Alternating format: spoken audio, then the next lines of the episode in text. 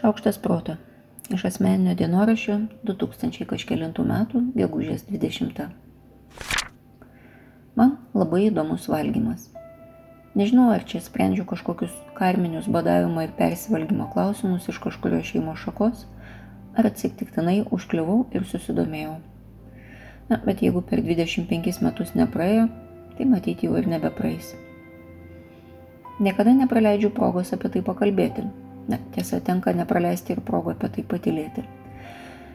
Man tiesiog rauna stogą pagalvojus, kad kiekvienas agurko kasnis viduje sprogęs angliavandenio amino rūgščių, vandens, mineralų ir vitaminų fejerverkų, suskilęs į smulkiausias dalis, apsuka kelis ratus per įvairias organizmo sistemas ir tampa mano pirštu, kuriuo spaudžiu raidę A.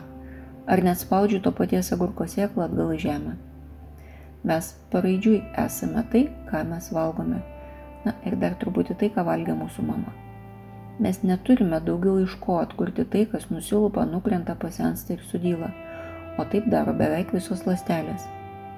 Mes nesinešiojame tų pačių lastelių, kurias nešiojamės, kai mums buvo penki. Ir iki dabar mes jau esame visai naujų lastelių rinkinys. Na, bet problema su maistu, aišku, kyla ne dėl to, kad maistu žavimės. Niekas pas mane neteina į konsultaciją tam, kad pasidalinti tuo džiaugsmu. Gaila. Žmonės ateina, nes turi su maistu bėdų. Kai nežino, ką valgyti, eina pas dietistą ar dietologą, kas yra gerai. Arba skaito influencerių postus, kas dažnai jau būna, ne, kaip pasiseks. Kai nežino, kaip valgyti, visai dažnai užsuka pas psichologą. Nes valgymas irgi yra elgesys, kurį pasirinkame prieėmę vienokį ir kitokį sprendimą, vedami nuostatų, įsitikinimų, įpročių, veikiami aplinkos, kitų žmonių nuomonių, madų, informacijos, Čia jau gimtieji psichologijos vandenis. Vienas iš dažnesnių pavyzdžių - įprotis suvalgyti ką nors prie kavos. Kartais tai vienas saldainis - nulis problemų. Kartais tai virsta pusę torto - begalybė problemų. Tai gerkit kavą vieną. Negaliu, neskanu. Tai negerkit kavos. Negaliu, nenoriu. Tai ko norit? Padarykit taip, kad stebuklingai nenorėčiau pusės torto ir užtektų tik vieno saldainio. Hmm. Tada reikės treniruočių ir jos bus sunkios. Ta jūsų terapija man visai nepadeda. Norit iš manęs paskutinį malonumą atimti. Na, žinoma, pokalbis nieko taip nesibaigia, bet kol ausėse tebeskamba tas paskutinis malonumas, vis galvoju, iš kur kyla tokia frazė. Na, taip, tai persudita, tai tikrai ne paskutinis malonumas ir tiek, kiek daug energijos sudedama į šią savyginos frazę, tiek viduje ir yra pasipriešinimo išėjimo lauk iš cukraus, dopamino, serotonino komforto zonos. Nepriklausomai nuo to, ką sako racionalus mąstymas. Bet jeigu tai iš tiesų paskutinis malonumas gyvenime, tai gyvenimas turbūt labai ne kažką. Kodėl mes tada su šito žmogum sprendžiam valgymo problemas? Turbūt yra ir gerokai didesnių problemų kad ir jokio kito malonumo neturėjimas, ar pasirinkimas spręsti mažiausiai iš problemų yra tik gera pradžia? Šiaip pati dažnai siūlau rinktis pirmą žingsnį tokį, kad jis būtų beveik garantuotai veikiamas.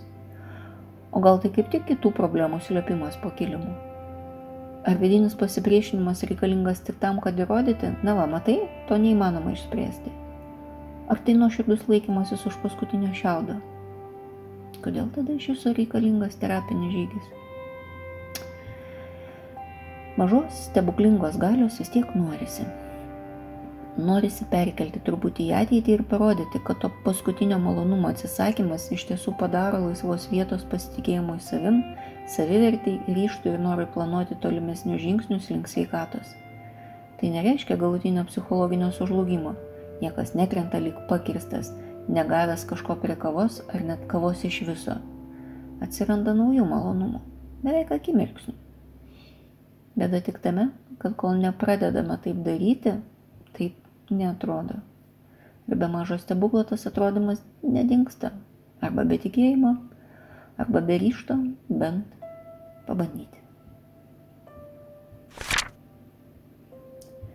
Aš Monika Kuzminskaitė, sveikatos ir mytybos psichologė Padedu spręsti kasdienius ir sudėtingus elgesio, mąstymo ir emocijų klausimus.